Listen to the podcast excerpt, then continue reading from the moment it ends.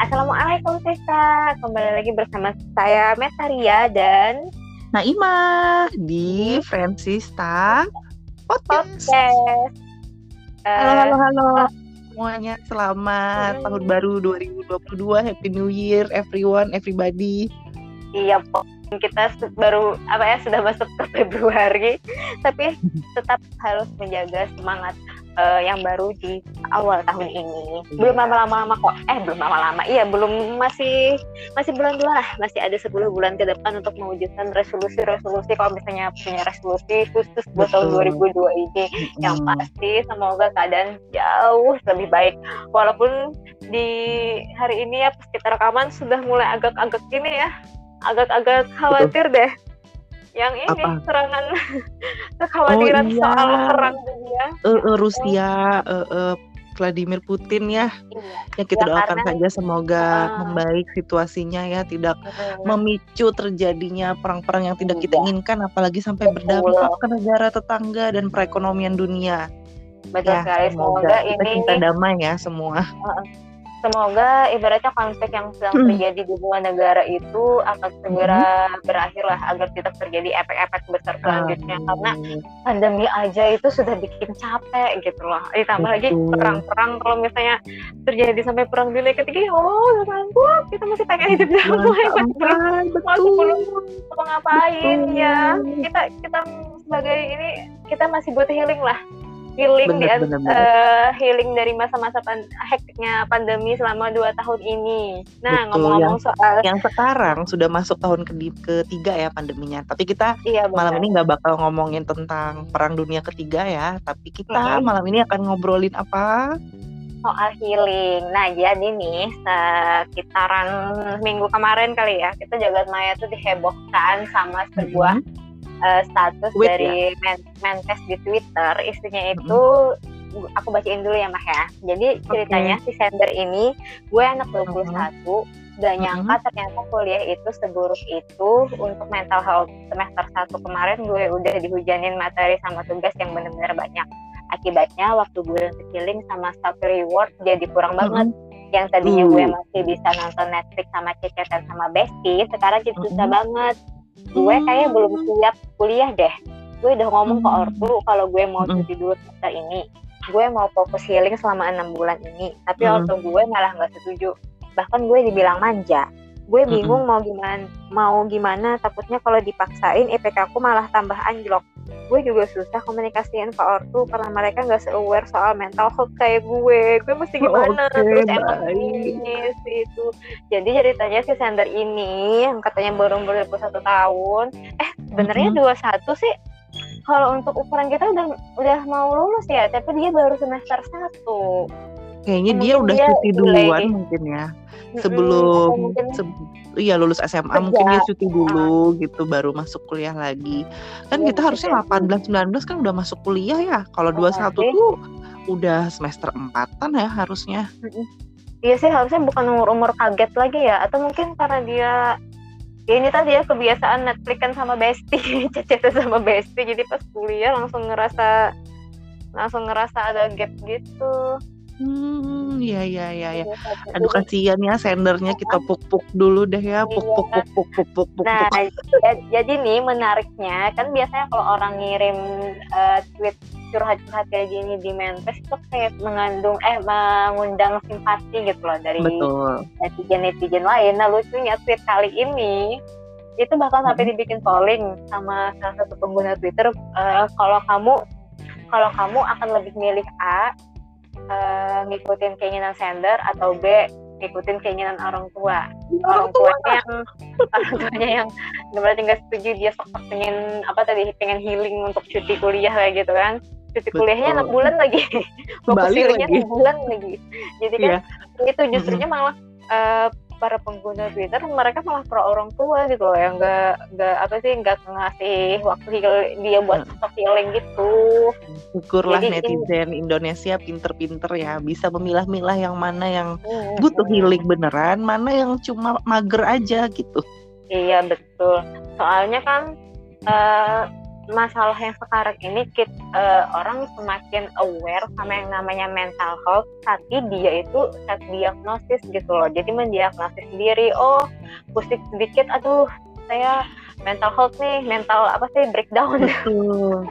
Iya terus yang ini nganggap-nganggap bipolar kita juga saking ini ya mungkin uh, utas utas tentang curhatan si sender yang di Twitter ini kan dia saking viralnya kan sampai amazing juga ya. Dia kan ngomen juga tuh dimasukkan juga di feeds Instagramnya dia khusus gitu ya masuk di feeds dan dia komentarin di situ bahwa ayo dong uh, ngancung jari gitu nih teman-teman netizen yang setuju sama si sendernya dan yang setuju sama orang tuanya gitu gedek deh gue katanya gitu kan sama yeah. anak muda yang kayak gini katanya kan itu salah satu yang amazing yeah. salah satu juga adalah profesor kita ya profesor pemasaran oh, kita yang sudah diakui di dunia setara dengan Philip Kotler juga ya dan uh, Bapak marketing dan, uh, Indo lah. Iya, uh, sebenarnya bukan Indo juga, Matt. Beliau sudah dianggap nomor oh, dua loh di dunia.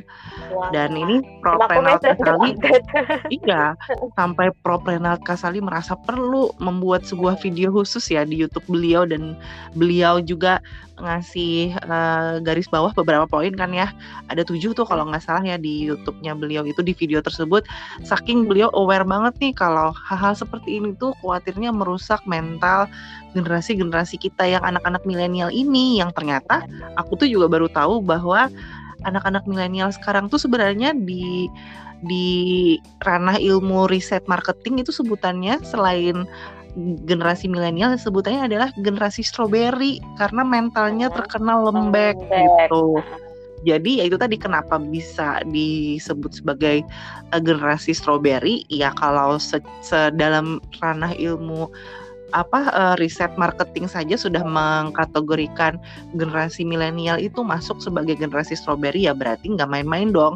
Ini berarti risetnya udah mungkin sudah sampelnya berjuta-juta orang di dunia yang mereka riset gitu ya dan ternyata memang kesamaannya anak-anak muda kita nih yang lahir tahun 2000-an nih memang mereka uh, mentalnya agak-agak uh, tidak setaf kita-kita yang yeah. lahir di generasi sebelumnya gitu ya. Makanya mungkin dikit-dikit perlu self healing gitu ya. Yeah. Dikit-dikit apa tuh perlu dikit-dikit overthinking, dikit-dikit depresi gitu, dikit-dikit apalagi itu uh, dikit-dikit perlu self reward yeah. juga kan ya ujung-ujungnya flexing juga yeah. kan nanti larinya ke sana gitu um, uh, termasuk dalam kategori mudah dipengaruhi nggak yang kayak gitu-gitu yang strawberry hmm. itu Oh ya, salah satu tipi tipi tipikalnya anak-anak generasi strawberry ini juga salah satunya ya karena mereka dimanjakan teknologi kan ya, ya. dimanjakan teknologi.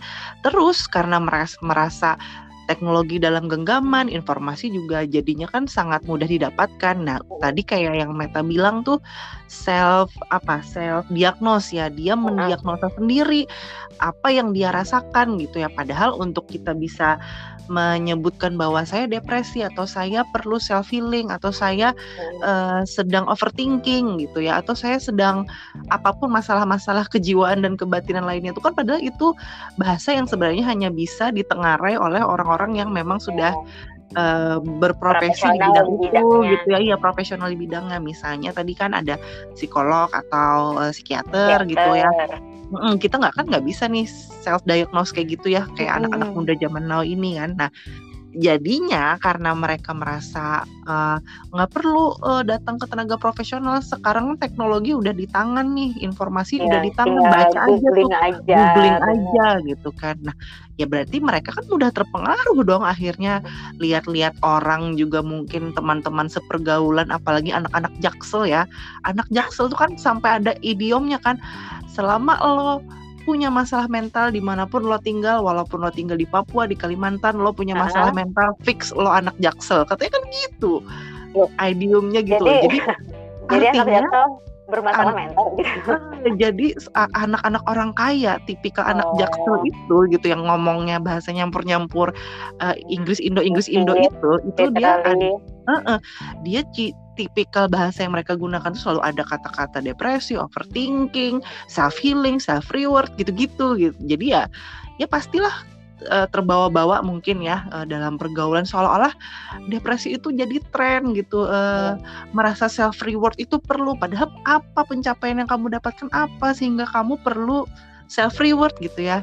Dan ini nyangkut banget sih Matt ke yang uh, Sender bilang tadi ya bahwa dia udah umur 21 hello, 21 tuh udah masuk dewasa muda kan ya, bukan muda. yang usia iya, bukan yang anak remaja labil baru awal-awal masuk kuliah. Itu kan biasanya umur 16, 17, 18 lah ya. Ini kan udah 20 ke atas gitu kan. Terus dia merasa semester 1 tuh udah sangat memberatkan apa kabar kalau dia di semester-semester terakhir gitu ya. Terus juga dia mau healing enam bulan liburan gitu itu mau cuti buat apa gitu ya? Ibaratnya kita hamil aja cutinya cuma tiga bulan lo mau ngapain enam bulan gitu kan? Sebenarnya nih ya sender eh, nggak uh, apa-apa sih kalau dia merasa dia itu agak mental breakdown cuman uh, cara dia mengklaim dirinya butuh healing itu yang berlebihan gitu kan? Ya, kalau butuh healing nggak enam bulan ya mungkin enam bulan jadi itu uh, itu yang agak dipandang netizen berlebihan sama dia kayak yang uh, terlalu apa sih namanya yang kayak healing sama Netflix kan chat sama bestie-bestian gitu kan. Mungkin dia sudah terlalu nyaman di zona itu jadi pas waktu masuk ke dunia perkuliahan semester satu aja sudah kerepotan. Ya, bener, uh, mungkin bener. kamu harus mungkin nih Sandria kamu mungkin harus mengurangi eh, santai-santai kamu lah karena welcome yeah. to the kuliah berarti belum lagi nanti yeah. dunia kerja Benar, jadi nih mas kemarin Apa? kemarin itu kan aku sampai ngomen tuh di Twitter hmm. cuman bukan di Menkes itu cuman uh, ada Menkes lain nge-repost terus aku komen nanti kalau di nanti kalau kerja kaget nggak ada besti-bestian eh ternyata yang oh, like iya. banyak nah berarti kan orang juga mengalami itu kan kayak setuju ah dunia kerja nanti kamu nggak bakal kalau selama ini kan kalau dilihat dari tweetnya tadi kan si sender itu kayak iya. yang asik bestie itu gitu kan. deh bestie itu everything gue nggak bisa hidup nah, nih tanpa bestie iya nah, iya iya oke okay. tapi nanti tuh pas dunia kerja aduh uh, kayaknya tuh kalau dunia kerja tuh mending kerja secara profesional profesional aja deh kalau bestie bestie yeah. kalau di pandangan aku itu uh, mungkin cari tempat lain aja gitu kan soalnya kan ya, dunia bener. kerja ya tahu lah mas kayak kayaknya lebih aman kalau tidak punya ikatan emo emosional deh di dunia kerja aku rasa soalnya kan kita dituntut harus profesional ntar kalau misalnya nggak ada sesuatu yang kita perlu tegur menegur kan kalau misalnya terlanjur ikatan baper, ya. emosional ya. malah gak enak iya malah baper nah makanya tender ya, sudah kalau kamu pengen masuk ke dunia kerja mungkin mulai sekarang harus kurangi deh ketergantungan sama bestie bestie mencari bestie juga sih ya. ya. Apaan? Mm -mm. ya tapi kita unik juga sih. Ini ini kan kita hanya bisa membaca kata-kata yang ditulis oleh si sender ya. Tanpa tahu. Bilang umurnya 21 gitu ya. selama dia lulus lulus SMA gitu sampai umur 21 tuh dia ngapain gitu kan? Hmm. terus yang kedua juga backgroundnya dia ini sebenarnya dia dari latar belakang orang anak sultan kah gitu ya barangkali? Atau jangan-jangan iya. dia dulunya hidup di luar negeri gitu ya mungkin dari TK kindergarten gitu ya sampai dia uh, senior high school mungkin luar negeri terus balik ke Indo gitu baru mau masuk kuliah. Kita kan nggak tahu tuh gitu.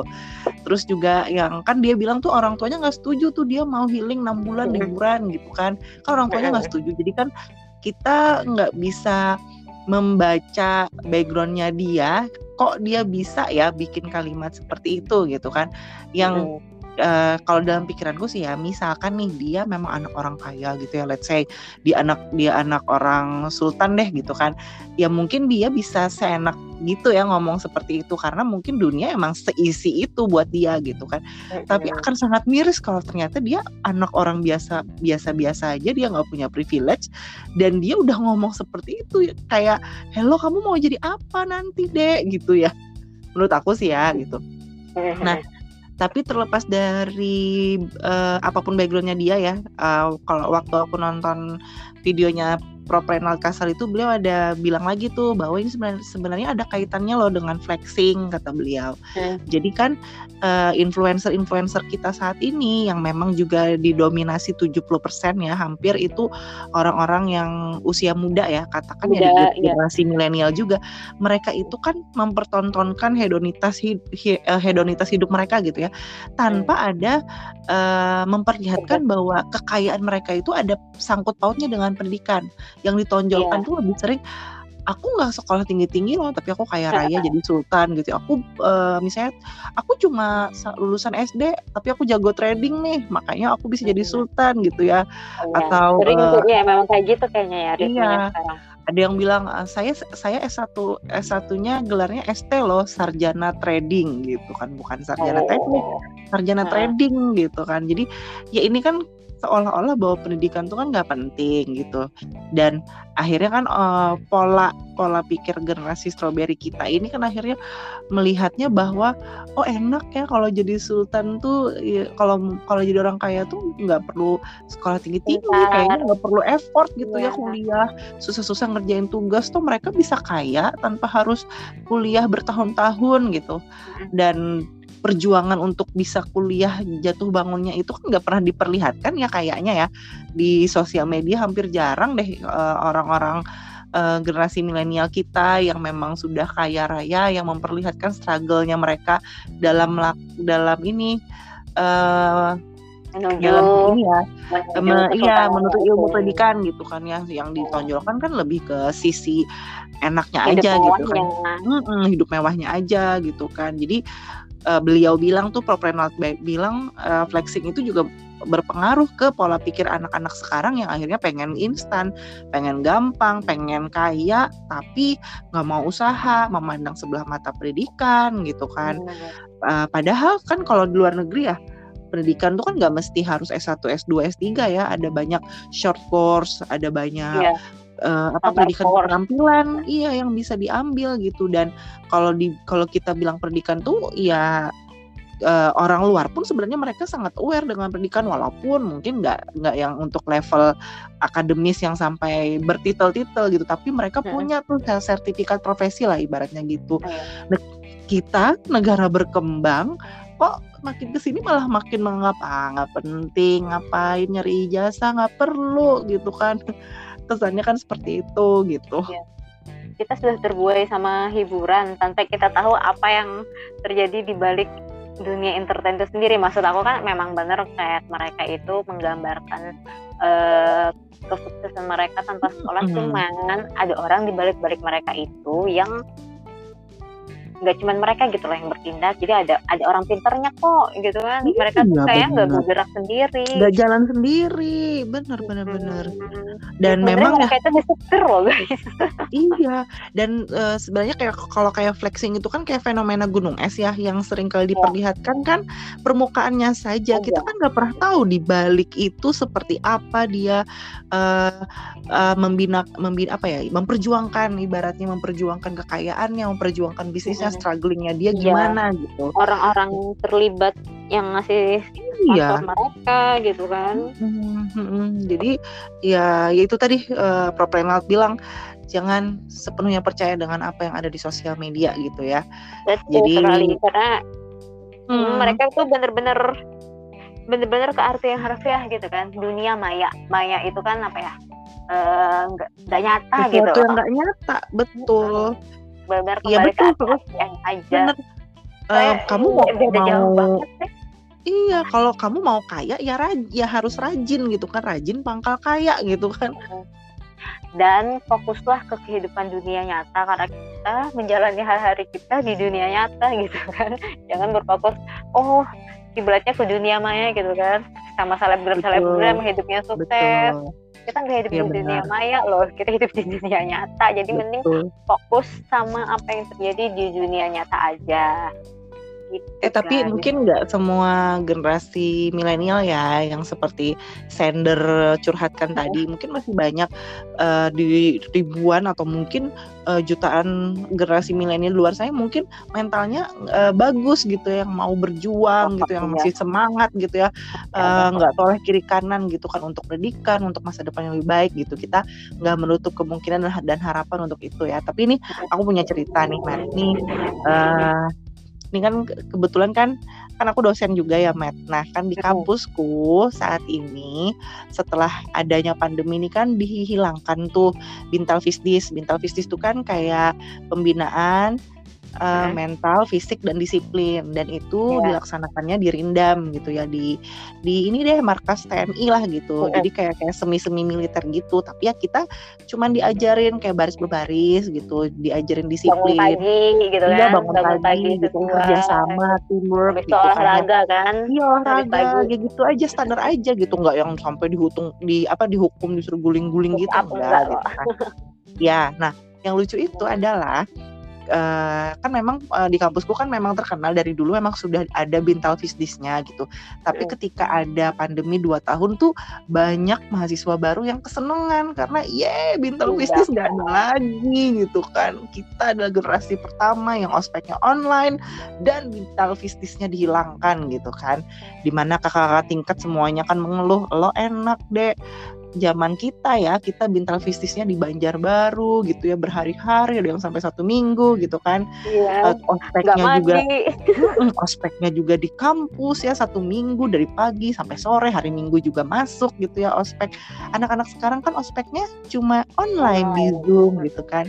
Dan bintal fistis juga dihilangkan. Nah sekarang di kampus kami tuh Februari tadi diputuskan bahwa akan ada bintal fisdis tapi harus ada PCR sama antigen dulu gitu. Hmm. Jadi kalau yang negatif baru diberangkatkan dan semuanya tuh dibagi menjadi delapan gelombang gitu. Jadi ya, bergantian uh, ya. Eh, iya gantian, nggak semuanya langsung kayak dulu gitu. Jadi ya nggak apa-apa makan waktu lama gitu. Tapi uh, yang penting semuanya uh, berangkat lah gitu kan.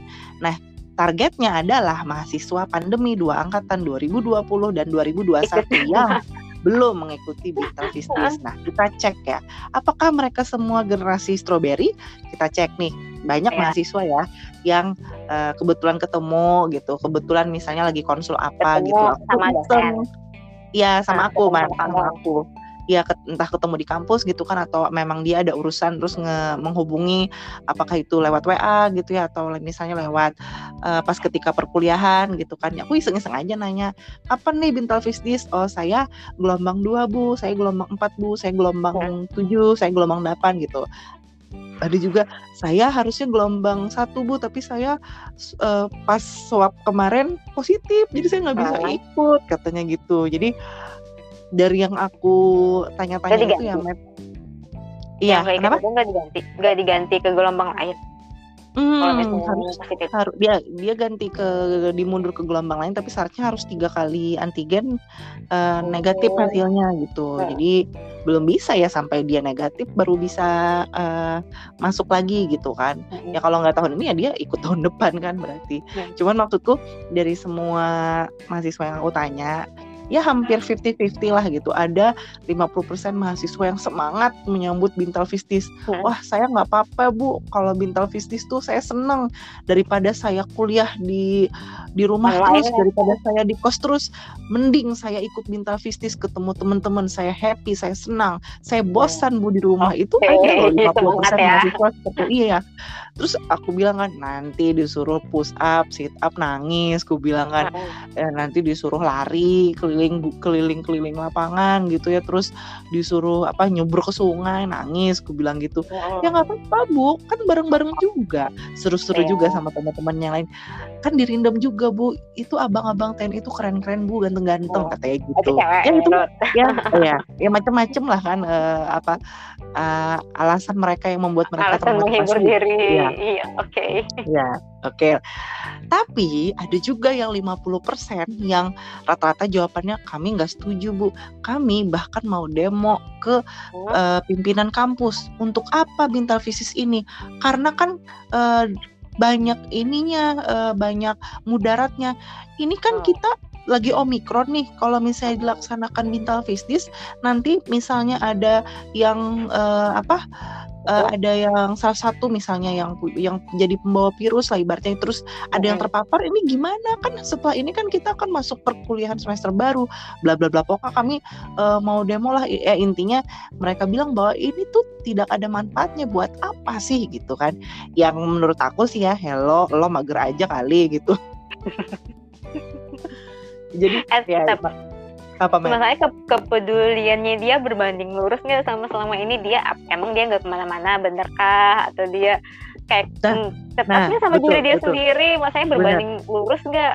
Per eh, nah. penentangan dia itu sama apa yang dia lakukan selama ini? Kalau misalnya betul. dia nggak di apa tetap hmm. jalan-jalan ke mall apa-apa juga ya sama aja kan? Sama emang dia aja yang males kali ya. Nah, Cuman kan karena aku nanyanya itu ke mahasiswaku sendiri gitu kan. Jadi aku uh. bisa menilai 50% yang pro ini tipikalnya mahasiswa yang oh. mana? Mahasiswa yang rajin kah?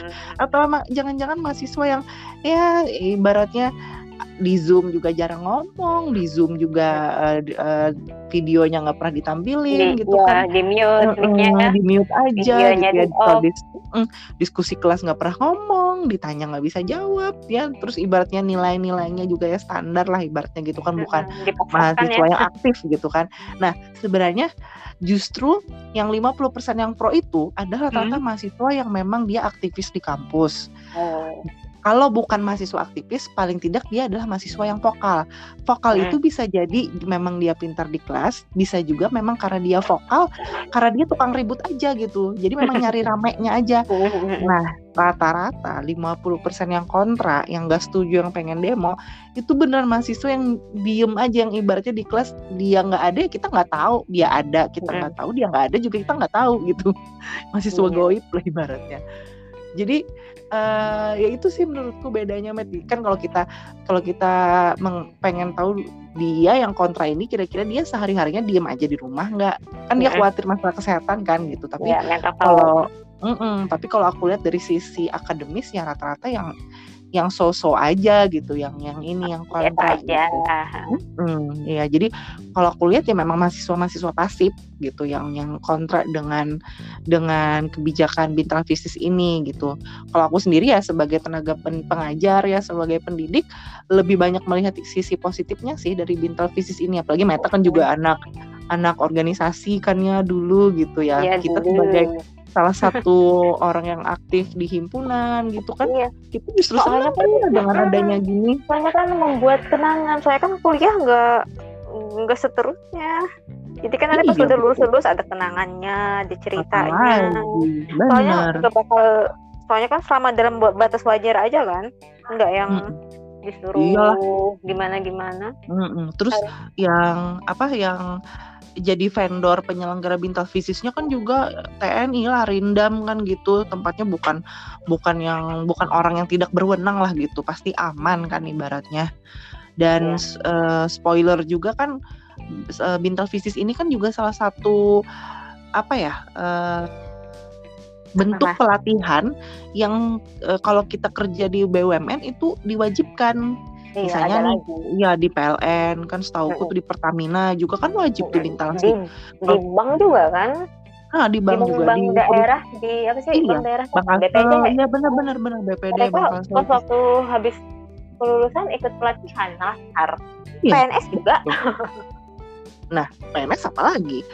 Terus ini yang kerja di tambang apa lagi? Nah, itu makanya jadi uh, ya sebenarnya bagus gitu supaya nggak kaget kan, kalau misalnya udah iya benar kalau misalnya sudah ikut yang di kuliah nggak kaget lagi nanti dengan kondisi yang di ini di apa kalau misalnya masuk dunia kerja. Sebenarnya uh, uh, kuliah itu kalau misalnya kamu bener-bener ngikutin itu tuh kayak adaptasi dari uh, sekolah yang ibaratnya cuma belajar materi doang. Terus pas Betul. di kuliah kayak ya, belajar skill. lebih berkembang ya, sendiri cuma gitu, teori. betul gitu. terus juga sama kompetisinya lebih ketat gitu kan. Soalnya kan IP hmm. Terus juga uh, cepet-cepetan lulus. Karena kalau misalnya kamu rajin kamu akan cepet lulus. Nggak kayak di SMA kan di SMA kan berpaket kan ya mah ya? Kayak lulus hmm. gitu kan. Hampir jarang banget hmm. anak tuh yang nggak naik kelas. Karena kalau di kuliah kan ya seberapa rajin kamu ya secepat itu pula lah kamu akan lulus dan nilai kamu gitu kan. Dan nilainya yang pas kuliah itu akan dibawa-bawa nanti pas kerja. Jadi itulah pentingnya kuliah standar. Pentingnya serius kuliah gitu Iya. Nah, jadi balik lagi tuh ke tweet yang dikirim oleh sender ya. Ini berandai yeah. sender kuliah dan diwajibkan minta fistis barangkali sender salah satu yang kontra barangkali ya kalau iya, diberlakukan wajibnya minta fistis gitu. Tapi ya itu pilihan sih masa depan adalah uh, sesuatu yeah, yang yang jadi pilihan kamu sendiri gitu ya. Yeah. Kamu mau rajin buat kamu juga gitu kan. Dan kita juga nggak tahu sih sebenarnya nasib-nasib orang tiap-tiap orang seperti apa kan jadi ya yang aku yakini sih kalau kamu mau berjuang maka nilai uh, apa hasil yang didapatkan itu akan sebanding dengan perjuanganmu menurutku ya gitu. Iya. Ini ngomong-ngomong soal uh, healing, kalau hmm. Naimah dulu pas zaman kuliah healingnya model-model gimana loh mah? Kalau aku sih simpel-simpel hmm? aja ya. Hmm. Eh zaman kita dulu malah apa ya? Paling nonton juga jarang namanya anak kuliahan duitnya belum banyak. Paling nonton yang hmm. hemat itu anak kuliahan bo. Nggak ada hmm. belum ada modal. Dulu apalagi kan cuma dikasih uang jajan. Giling kayaknya enggak giling ngapain dulu ya kalau aku ya? Gue deh kayaknya di rumah aja tadi nonton nonton dulu kita nggak belum kenal sama istilah healing met jadi kita dulu nggak merasa problematik. Kita nggak ngerasa kita oh, dulu bener, itu belum ada istilah itu ya. Uh, kita nggak merasa dulu itu kita galau. gitu galau. Tuh nggak tahu. Bahkan kalaupun ada perasaan itu kayaknya kita merasa nggak pantas aja gitu. Merasa depresi overthinking karena kuliah. Barangkali ya. Aku juga hmm. uh, sebenarnya waktu Meta nanya tadi mikir-mikir juga emang aku pernah merasa depresi ya waktu kuliah healingnya lewat apa? Dulu kayak full eh, kerja itu, juga belum ya. Eh dulu kita karaokean healingnya ya enggak Iya tapi uh, karaokean nggak sesering oh, itu juga sih ya, kan kita masih anak kuliahan. Iya iya benar benar benar. Dulu itu Aduh sorry ya, ini iklannya banyak banget yang lewat. Enggak kedengeran komen alhamdulillah jadi mm-hmm. dulu itu kan aku ingat pas waktu kita kan ikut organisasi mah kan hektik tuh mm-hmm. kalau misalnya pas lagi ada event sudah ngurusin event kuliah juga mm-hmm. kan jadi mm-hmm. kayak paling agak-agak capeknya tuh pas waktu itu ada event terus juga masih harus jalan kuliah. Jadi ingat banget dulu tuh kayak habis event tuh kan kayak sama-sama teman-teman gitu udah korekan bareng. Soalnya dulu kan masih ramai kan korek-korekan di tempat keluarga gitu. Dulu kan di mall yang itu masih ada tuh. Di tempat korek yang di mall itu dulu mah yang kayak apa sih namanya? Family ya ya kalau pas zaman zaman kuliah sih aku inget sih ya kalau misalnya agak-agak merasa yang kayak stres-stres gitu mm -hmm. paling pas waktu itu tadi ada event sama mm -hmm. jalan kuliah soalnya kan kadang tuh yang uh, eventnya kadang dekat-dekat sama UTS atau ujian mm -hmm. akhir gitu kan jadi sama teman-temannya paling dulu kita ke mana karaoke-karaokean soalnya yeah. mm, masih lumayan murah sih ya dulu ya kayaknya Iya deh, lebih murah dari nonton ada harga ya? pelajar, Jadi, iya iya oh. lebih murah dari nonton. Iya ada harga oh. mahasiswa dulu. Soalnya lebih sering, kayaknya kan lebih sering ke karaoke kan ya daripada nonton di bioskop. Nonton, bener, bener, bener, betul banget. Tapi gitu. kalau aku pribadi ya, kalau ya, kalau aku pribadi kok feeling karena karaokean itu lebih kayak seru-seruan aja sih bukan karena itu aja. perlu perlu healing karena aduh aku ya. overthinking aku depresi aku punya mental breakdown nih karena dospem hmm. tidak akses judul skripsi saya gitu. Lalu kita karaokean yuk. Nggak gitu juga sih kayaknya yuk kita seru-seruan aja gitu. Kayaknya lebih ke situ sih. Kayaknya uh, ya bersyukurlah ya mungkin dulu kita tidak mengenal istilah-istilah mental breakdown, depresi, healing, apalagi self reward ya kita kerja aja juga enggak dulu. Jadi ya udah senang-senang aja gitu. Sama paling apa ya, Met? Ya jalan, palingnya jalan-jalan, muter-muter, keliling-keliling. Aku dulu kayaknya uh, kalau pusing-pusing kuliah pulang pulang kuliah mampir ke rumah itu udah cukup healing sih menurut aku minta makan iya atau enggak ini kita kayak jalan-jalan gitu kan ngalur ngidur ke mana tanpa iya, arah tujuan tanpa uh -uh. baru terus balik lagi ya, balik, gitu aja kan gitu, gitu aja. Demi, demi menenangkan pikiran aja uh -uh. ya udah paling ya dua jam gitu ya balik lagi ngeliat ngeliat iya. jalan aja gitu iya. bener kalau sekarang set feeling liburan ke mana gitu kan ih biaya banget ya kalau anak iya. kuliahan uangnya enak sultan banget kayaknya kalau misalnya healing sampai liburan-liburan gitu mm-hmm. yang kerja aja sekarang masih mikir. Mikir iya. Apalah kita met. Beda banget ya kastanya ya. Eh beda tapi sekarang kalau setelah setelah masuk dunia kerja kamu healingnya gimana met? Healing apaan ya? Paling it, itu dong belanja online dong. Seperti ya. Iya benar kalau aku itu penyakit itu bukan healing sih sebenarnya itu penyakit. Iya kan? Apa? Sebenarnya itu apa? Itu bukan healing itu kayaknya penyakit deh bukan. Masalahnya kita itu bukannya mendapat penyembuhan dengan belanja online iya, bi bikin masalah baru. cuman cuman menutupi gitu kan. Kayaknya itu tuh kita penyembuhan cuman menutupi sementara aja. Habis itu dia akan kembali lagi gitu kan. Bukan yang emang hmm. sebenarnya sembuh. Karena sih ya kalau kata ilmu psikologis kan healing itu adalah proses memaafkan diri sendiri. Ah, nah kita itu, dia. Hmm, Berarti kita, itu bukan kita, healing, itu pelarian iya. aja, self escape aja, itu pelarian. Ya, benar. Jadi yang dikandang healing ala ala anak zaman sekarang itu sebenarnya adalah pelarian, bukan penyembuhan dalam arti sebenarnya. Karena penyembuhan itu artinya kan memaafkan diri sendiri.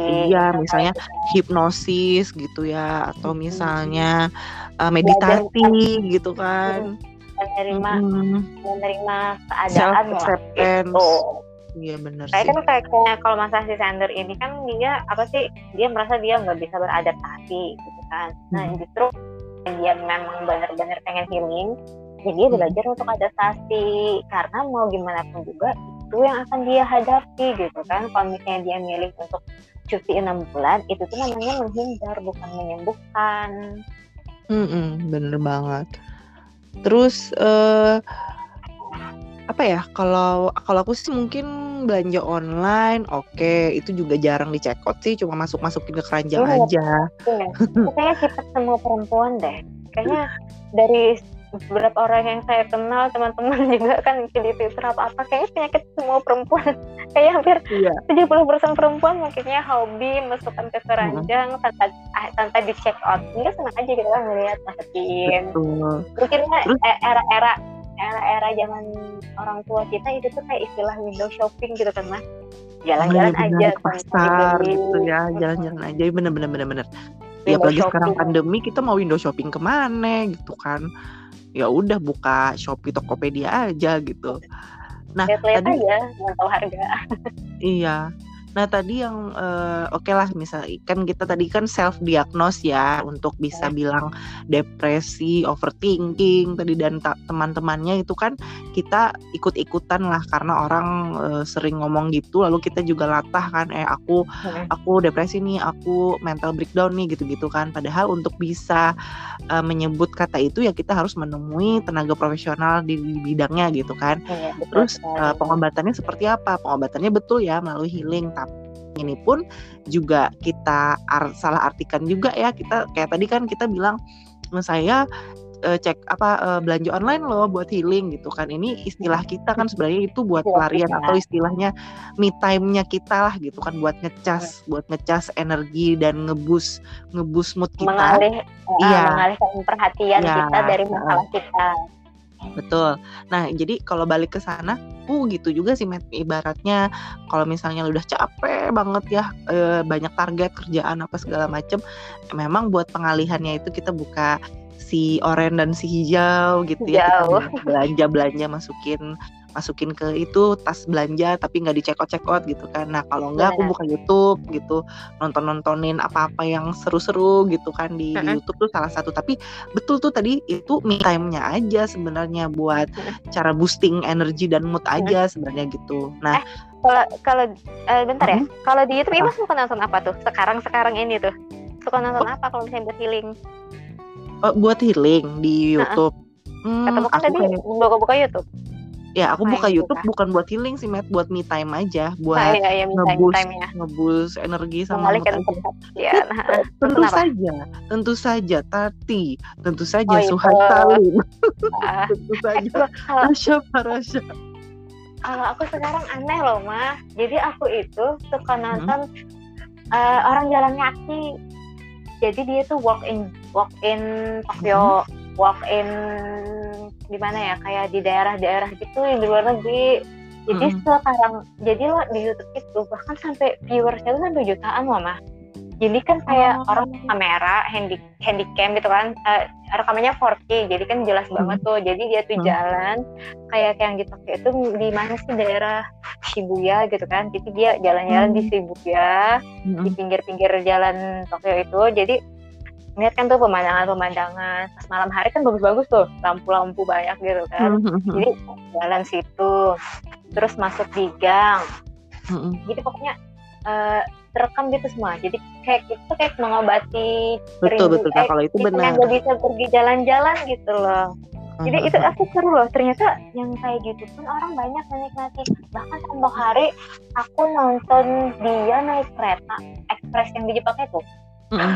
aneh banget ya tontonanku sekarang ya soalnya itu jadi tuh kayak aku merasa experience-nya itu mah jadi naik kereta cepat naik tidur di Hmm. keretanya itu terus ke WC keren sih keren.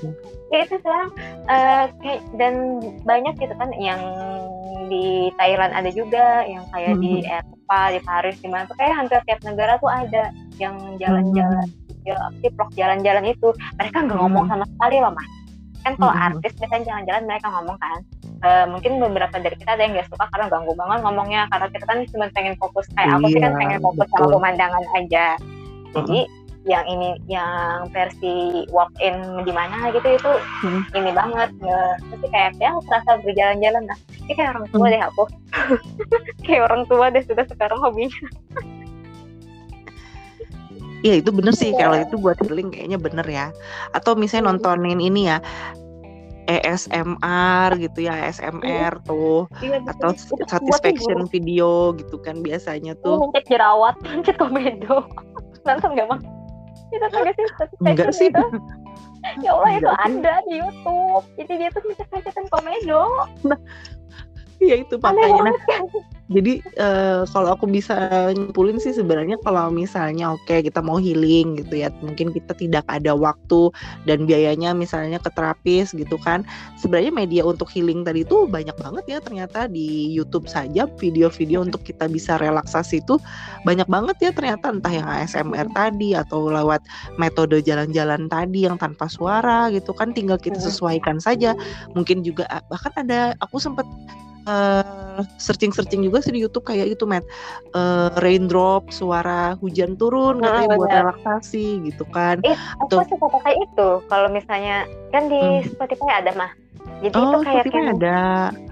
jadi cari aja ASMR kayak ceritanya di kafe jadi itu kan Oh. eh, Rain in a Cafe with JST Oh, oh, jadi gitu kan. kayak membangkitkan imajinasi kita, jadi kita bisa Benar. ini ya, bisa nah, self Jadi kan relaksasi kayak- gitu. benar, Atau kayak- suara misalnya kita kan Ombak. belajar gitu kan nah Mm-mm. kayak belajar gitu kan kayak belajar di kafe-kafe nah Mm-mm. kalau aku sih kalau yang itu tipikal yang cocok kayak gitu juga jadi kan belajar mungkin nggak dengerin lagu lagi tapi dengerin itu jadi kan kayak berasa di mana gitu kan ada yang Hmm. kadang tuh orang ngomong backgroundnya di belakang pakai bahasa apa gitu kan yang gak ngerti terus ada kayak musik jazz jazznya di ASMR kan kalau di Spotify dia kan tanpa video. Jadi kan kita bisa fokus yang nggak ke distract gitu ya. Heeh. kalau di YouTube kan sama gambarnya. Nah, Iya Nah, benar. betul-betul nih salah satu insight baru ya. Ternyata untuk bisa healing self healing ya macam-macam kok nggak perlu yang liburan enam bulan ke Bali gitu ya kalau kalau Iya. kita mau sebenarnya ada banyak cara lain Iya. yang lebih efektif Yang dan versi efisien low budget. gitu ya. yang Iya, versi versi budget. budget. tapi ya ini versi rakyat jelata ya kan kita nggak tahu Eh terus juga ngomong-ngomong soal ke terapis, sebenarnya ke psikolog di cover loh sama ini BPJS. Kalau misalnya ada yang mau coba ya, Hmm, katanya sih itu. Iya, tinggal jadi bilang ke uh, dokter ini aja, dokter keluarganya aja. anak-anak, iya anak-anak sekarang mereka sangat aware dengan mental health gitu ya, tapi mereka nggak ngerti bahwa sebenarnya untuk self healing itu datang ke tenaga profesional dan itu sebenarnya di cover gitu di BPJS keluarga kamu Iya. gitu kan. Bisa kok, bisa kalau misalnya Hmm, emang benar-benar kamu merasa stuck. Iya. Dan kalau kamu kelebihan uang gitu ya, kamu tinggal buka Halodoc atau Halo Dokter aja, tinggal bayar. Kamu silahkan mau curhat Hmm. apa gitu kan ke tapi psikolog, psikiater ada di sana berhamburan 24 jam silahkan gitu kan. Semudah Iya. itu gitu kan. Sebenarnya kalau kamu emang eh, punya banget masalah pelik gitu atau kalau mau yang versi lebih premium lagi ada banyak aplikasi ya eh, di Play Store gitu yang bener-bener memang tenaga profesional dari dunia gitu ya asal kamu bisa aja bahasa Inggris gitu kan buat buat ininya eh, ngobrolnya di sana. Dan mereka kayak pilihin gitu kan satu yang buat jangka panjang, jangka Hmm. pendek atau memang buat jangka menengah gitu. Misalnya satu bulan, enam bulan, satu tahun. Jadi dia beneran satu tahun tuh nge- nge-mentor kita gitu kan. Hmm, itu kan banyak banget tuh di app store eh, di Play Store gitu kan app-nya aplikasinya gitu dan Dan memudahkan itu ngebantu banget banget gitu. sih sebenarnya.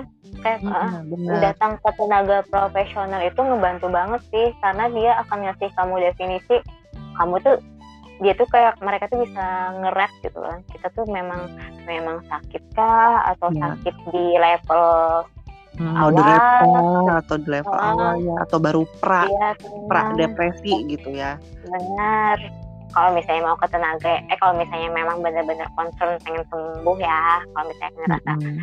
eh, kamu sakit hmm, mental breakdownnya eh, itu ya bisa jadi pilihan kalau misalnya pengen emang Oke. pengen benar-benar sembuh Oke, deh. Betul. Aku nggak bisa lama-lama ya, Matt, karena aku mau rapat lagi habis ini. baik bu dosen Jadi kesimpulannya Oke deh. apa nih Kita- mengenai healing healing healing kita malam ini? pokoknya soal healing jangan kalau dari aku sih ya jangan terjebak sama istilah eh, Hmm. istilah-istilah Jaksel. kesehatan mental yang beredar di dunia maya selama ini gitu kan yang mana uh, mental kalau misalnya yang ngerasa depresi atau apa apa tuh kalau pengen ininya uh, datang ke tenaga profesional terus juga soal healing ingat healing itu adalah menyembuhkan bukan melarikan diri dari masalah Betul. Ya, sama kalau dari aku ya tambahan selain datang ke terapi, psikiater jangan lupa berdoa dan mendekatkan iya, diri ya kepada Allah ya, kepada Tuhan kita. Eh, coba dicek lagi deh kalau kamu merasa hampa, galau, merasa hidup kok gini amat ya, coba kita cek lagi. Mungkin ibadah kita kurang, mungkin sedekah kita kurang, mungkin kita eh, kurang berbakti, mungkin dengan orang tua ya kan. eh, bisa jadi eh, masalah-masalah itu muncul karena memang kitanya juga perlu diuji gitu kitanya perlu disentil nih barangkali gitu. Jadi ya silahkanlah dicoba kalau memang versi low budget gitu kan Eh, cobalah mengadu dulu deh kepada Allah kita sholat berdoa sesimpel itu semudah itu kita kita curhat dulu deh gitu kan kepada yang punya alam semesta. Itu sih kalau dari aku met tambahannya. Itu salah satu healing. Kita kan lima waktu ya dalam sehari sholat. Nah barangkali kita bisa mulai dari sekarang menjadikan sholat ini sebagai self healing kita. Asik. Iya. Walaupun saya saya juga nggak segitunya juga sih. Mm-mm. Ya, cuman ya belajar apa ya karena sholat itu gini ya bukannya menunggu guru ya atau apa cuman eh, saat sholat itu kan dibutuhkan konsentrasi. Jadi betul. konsentrasi yang tidak overthinking. Overthinking itu kan kayak kita nih lagi misalnya lagi kerja Hmm, lagi kerja yang dihadapkan misalnya laporan keuangan. Tapi kan untuk masalah kita kan overthinking ke lain hal betul. Nah, kalau di sholat sholat itu sih, kalau menurut aku sih ya itu kayak semacam pelatihan eh, konsentrasi hanya ke satu hal. Gitu Iya. sih. Terus kita juga kalau sholat itu kan berpasrah ya istilahnya kita ikhlas, pasrah zero lah ibaratnya kan dengan ya kita nih udah maksimal nih usahanya gitu kan. Tapi kita dengan sholat beribadah itu kan kita memahami bahwa ada super power gitu kan yang lebih super lagi nih dari segala-segala yang sudah kita lakukan. Benar. kita kan cuma bisa berusaha gitu kan. Ya itu sih eh, esensinya. Tapi ya ini balik ke religiusitas masing-masing ya. Kan kalau kita omongin di sini kan karena Karena bicara masalah mental Benar. gitu ya. Memang ada tenaga itu- profesionalnya. Dan itu perjalanan rohani masing-masing orang. Setiap iya, orang ada yang langsung menerimanya dengan lapang ada juga yang Betul. jalannya berliku bener dan kayaknya memang gitu. semakin kita bertambah dewasa ya dan semakin banyak yang masalah yang kita hadapi memang sebenarnya salah satu cara untuk bisa tetap kuat dan bertahan ya mendekatkan diri ke agama juga salah satu caranya ya. Selain juga ya memang mungkin perlu curhat, mungkin perlu uh, bantuan orang ketiga yang lebih profesional misalnya. Mm-hmm. Gitu iya. sih. Wah, dalam sekali ya pemaknaan kita malam hari ini saudara-saudara. Oke, cukup kayaknya Matt ya. Saya sudah dicari-cari ini. Oke, baik. Oke, Sista, sekian dulu uh, bestie stock kita kali ini. Mm-mm, semoga faedah dan bermanfaat ya. Sampai, ketemu, ketemu lagi di episode, di episode. selanjutnya. Mm-hmm. Tetap semangat, tetap sehat-sehat semuanya ya. uh, semoga semuanya terbebas dari omikron ya. Dadah. Amin. Bye. Assalamualaikum warahmatullahi wabarakatuh. Waalaikumsalam, Sista. Bye.